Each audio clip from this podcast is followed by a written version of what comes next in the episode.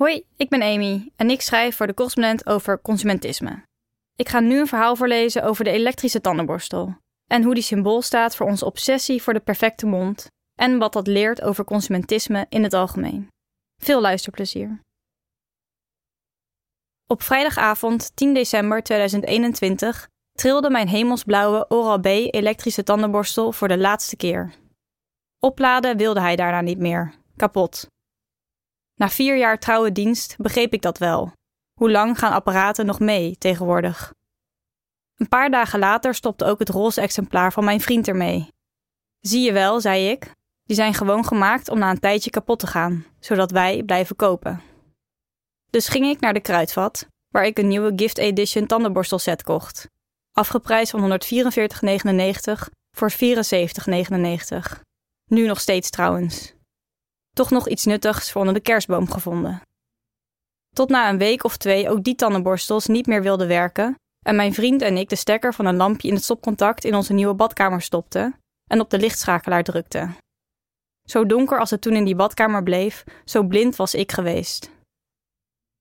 In de kruidvat telde ik 37 verschillende soorten elektrische tandenborstels, 50 opzetborstels en 49 handtandenborstels. In roze, lila, blauw en goud, met woezel en pip, in de vorm van een giraf of gemaakt van duurzaam geteeld Zwitsers beukenhout. Met een timer, een interactief kleurendisplay en of een oplaadbare reisetui. Ik las over unieke ronde optimal plek Defense borstelkopjes, 360 graden poetsdrukcontrole, 62.000 poetsbewegingen per minuut, magnetische technologie, 3D-tandtracking met kunstmatige intelligentie. Er waren spotgoedkope exemplaren of dure, hele dure, zoals de Philips Sonicare Diamond Clean 9000. Via een app kun je op de mondkaart precies zien welke tanden je goed poetst of juist beter moet poetsen. En na elke beurt krijg je feedback en tips voor een betere poetstechniek. Kosten 466 euro. Tijdelijk uitverkocht. Sommigen verzekerden me van een wittere glimlach vanaf de eerste poetsdag. Anderen tot wel 100% minder tandplak en bijna allemaal beloofden ze een poetservaring die mijn tandarts me zou aanbevelen. Ik wist niet dat ik die nodig had, totdat ik de teksten achter op de dozen in de kruidvat las. En nu zat ik thuis met vier energieverspillende en grondstofintensieve elektrische borstels, meerdere opladers en een schuldgevoel. En dat voor meer dan 100 euro. Ik vond het niet alleen een probleem dat ik, iemand die zich al jaren bezighoudt met de thema's duurzaamheid en overconsumptie, er maar gewoon vanuit was gegaan dat die tandenborstels vast en zeker geprogrammeerd waren om snel kapot te gaan. Nee, wat me vooral dwars zat, mijn onvermogen om mezelf daar in die drogisterij af te vragen waarom ik zo nodig elektrisch wil poetsen. Had ik dat wel gedaan, dan had ik geweten dat ik daar in de kruidvat iets anders zocht en kocht dan een apparaat om mijn tanden mee schoon te maken. En dat die steeds vernuftigere elektrische tandenborstels symbool staan voor onze consumptiemaatschappij. Het is nooit genoeg. In Nederland poetsen inmiddels meer mensen elektrisch dan handmatig. De verklaring daarvoor lijkt simpel. Elektrische borstels maken je tanden doorgaans schoner. En elke seconde in de tandartsstoel is er één te lang en één te duur. Maar er speelt meer mee. Bij mij lag het ongetwijfeld ook aan het feit dat mijn ouders, zolang ik me kan herinneren, elektrisch poetsen. Dat heeft de mondhygiënist ze ooit aangeraden. Misschien ben ik daardoor gaan denken dat zo'n apparaat gaatjes scheelt. In tegenstelling tot mijn vriend, wiens ouders nog altijd handmatig poetsen. Maar zoveel last van gaatjes heb ik nooit gehad. Uit een enquête rondom de vraag waarom mensen elektrisch poetsen, las ik dat iemand alleen al door de aanschaf van een elektrische tandenborstel het gevoel kreeg goed voor zijn tanden te zorgen. Wat een mafkees, dacht ik aanvankelijk. Maar is het niet net als denken dat je door het kopen van een nieuwe sportoutfit dit jaar echt meer zal gaan sporten? Eén klik op de bestelknop en hoera! De eerste stap naar een betere ik is gezet. Wat ik het liefst wilde met een elektrische tandenborstel waren wittere tanden. Dat was wat ik als tiener, na jaren bladeren door modebladen en series en films kijken en scrollen op Instagram had meegekregen. Mooie, succesvolle mensen hebben een stralend witte lach. En ik was niet de enige. Uit een Engelse studie bleek dat mensen niet alleen elektrische tandenborstels kopen vanwege mogelijke gezondheidsvoordelen, maar ook vanwege de cosmetische voordelen, wittere tanden dus, en de status die ze aan de borstel ontlenen. Het toenemende gebruik en het geëxplodeerde assortiment laten volgens de onderzoekers zien dat gezondheidsproducten steeds vaker gekoppeld worden aan esthetische waarden. Iedereen kan mooi zijn als je maar diep genoeg in de buidel tast. Hoe is dat zo gekomen? Waarom denken we dat onze tanden zo poreus zijn als zandsteen en verkleuren als een witte poster in het zonlicht, zolang we geen super deluxe borstels hebben? Laat ik je meenemen in een stukje geschiedenis over de tandenborstel. De mensheid gebruikte langer geen dan wel tandenborstels. En zie nu, de tandenborstel lijkt van levensbelang. Belangrijker nog dan een magnetron, telefoon, computer of auto. Hij domineert ons ochtend- en avondritueel. Hoe konden we zo lang zonder? De eerste tandenborstels, gemaakt van buigzame takjes en gevonden in Egyptische graven, dateren uit 3500 tot 3000 voor Christus. Ook de Chinezen gebruikten rond 1600 voor Christus al kauwstokjes. Takjes die van geurige bomen werden gehaald en waarop werd gekauwd om de adem zoeter te maken. Waarschijnlijk was dat de voornaamste reden voor de uitvinding. Ze hadden de takjes niet nodig om tandplak mee te verwijderen. Mensen aten amper suiker en hadden dus vrij gezonde tanden, maar wel om een slechte adem tegen te gaan. En om ermee te kunnen pronken. De eerste tandenborstels die vanuit China Europa bereikten in de 16e en 17e eeuw, gemaakt van bot of bamboe, met daaraan haren van paarden, zwijnen, soms ook beren, werden beschouwd als zeldzame luxe artikelen en voorzien van zilveren, vergulde en gouden handvaten.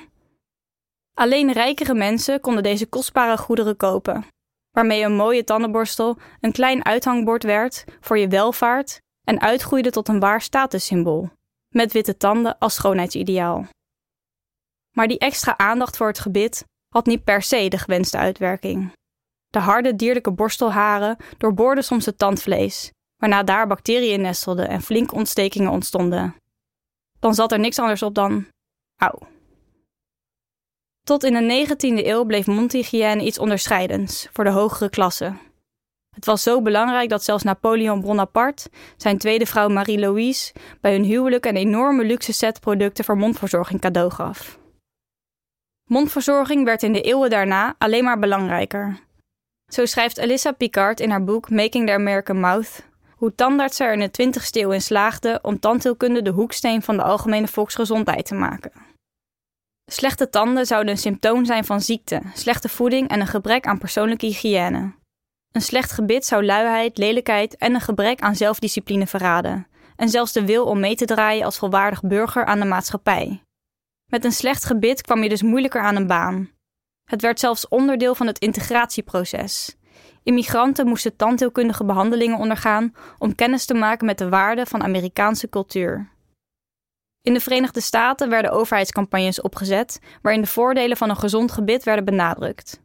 Een tandarts in 1904 meende: als een slecht gebit voorkomen zou kunnen worden, zouden de voordelen voor de staat en het individu van enorme waarde zijn, gezien de wonderbaarlijke hoeveelheid ziekten die indirect tot een slecht gebit herleid kunnen worden.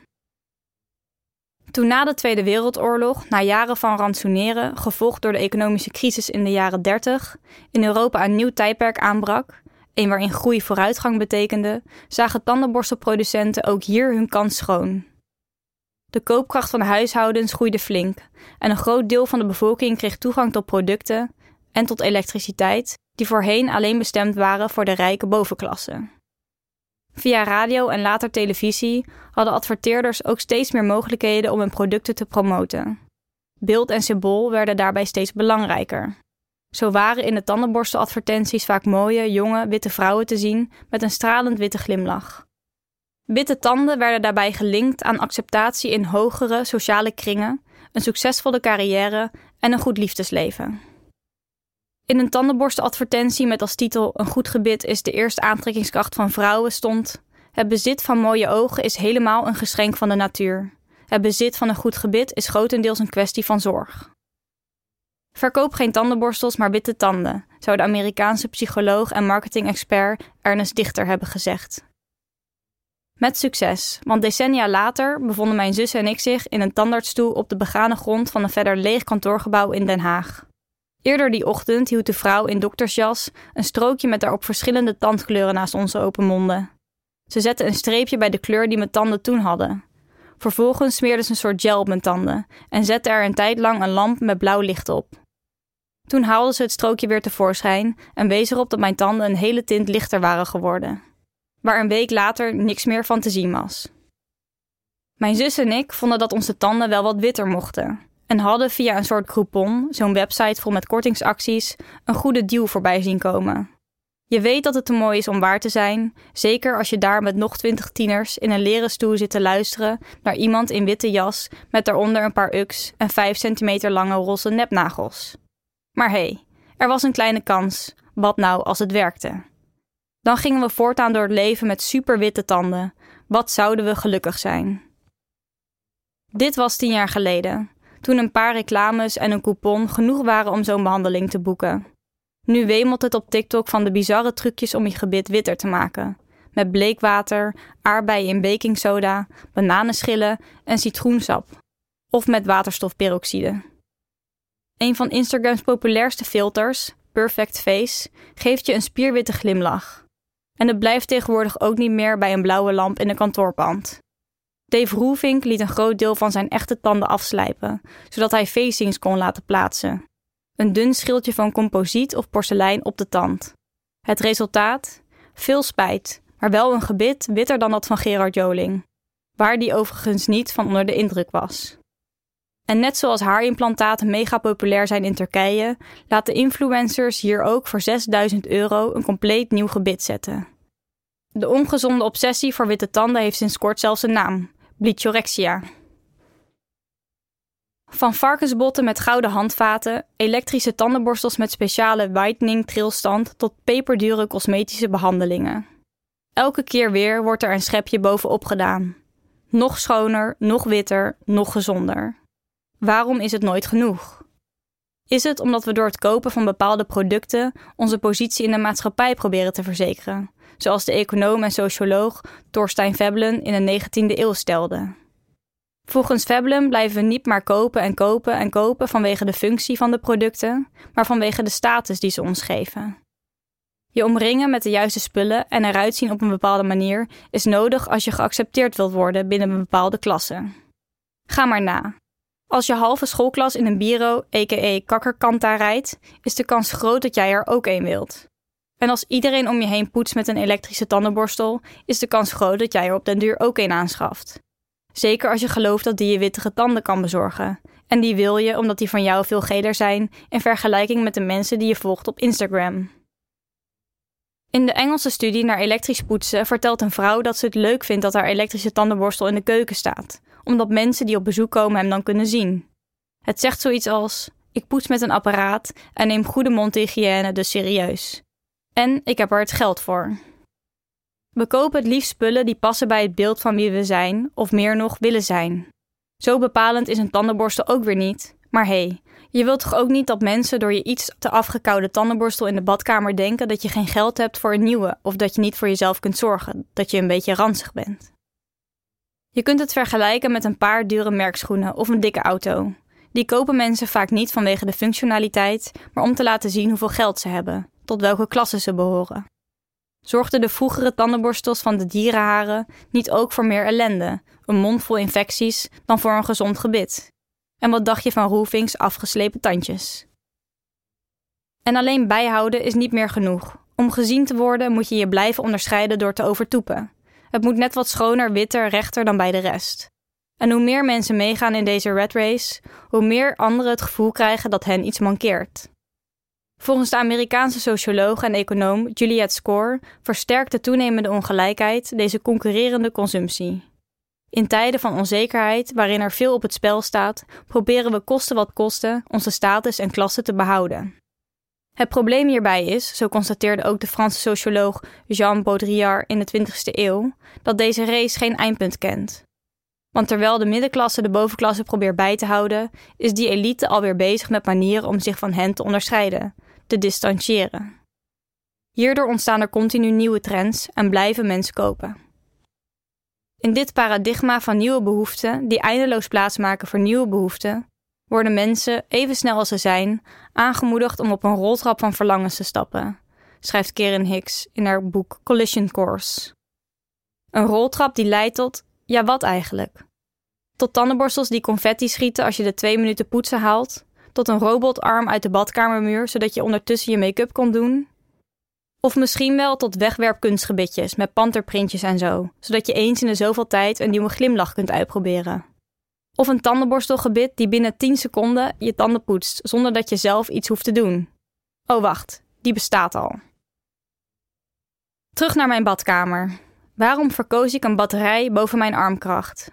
Ik weet nu dat ik daar in een kruidvat geen tandenborstels kocht, maar geld uitgaf om een stapje dichter bij de ideale mond of glimlach te komen. Omdat de mensen waarmee ik me omring hier waarde aan hechten. Absurd? Dit is hoe consumentisme werkt. Het gaat niet om efficiëntie of producten die een werkelijk probleem oplossen, maar om gerommel aan de vernislaag van het leven. We bedenken daar steeds weer een zogenaamd nodig laagje bij, waardoor we blijven consumeren. En daarin gaan we zelfs voorbij aan de basis onder al die vernislagen. Wie kan verantwoorden dat een borstel van een paar honderd euro een goede aankoop is? Of een behandeling voor iets wittere tanden, als er ondertussen mensen in Nederland zijn wiens tanden op jonge leeftijd getrokken moeten worden, omdat hun ouders de tandarts niet konden betalen? Natuurlijk, het is super lastig om er niet aan mee te doen. Je kunt wel zeggen dat we minder moeten consumeren en demonstratief afscheid nemen van je elektrische tandenborstel, maar de consumptiedrift is ingebakken in onze cultuur en onze economie. We geven elkaar complimenten over nieuwe kleren, auto's en televisies die we nodig denken te hebben omdat we de lab blijven verleggen, tot in het absurde. Hoe absurd en onnodig al die nieuwe spullen en behandelingen zijn, zien we amper meer. Zo geleidelijk gaat het. We hadden ze niet nodig tot ze er waren. Elektrische dekens, eierkokers en slimme lampen in ontelbare kleuren en standen in huis. En tandenborstels met zes poetstanden. Wat als we ons eens wat vaker wel die vraag zouden stellen? Waarom? Waarom kopen we het? Waarom hebben we het nodig? En ook belangrijk, mocht je tandenborstel kapot gaan, check vooral eerst even of je stopcontact wel werkt.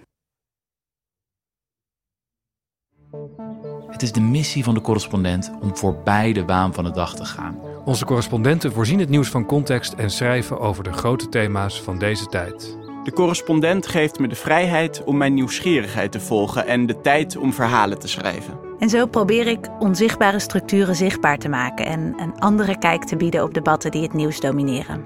Dan gaat het minder over het spelletje en veel meer over wat er op het spel staat.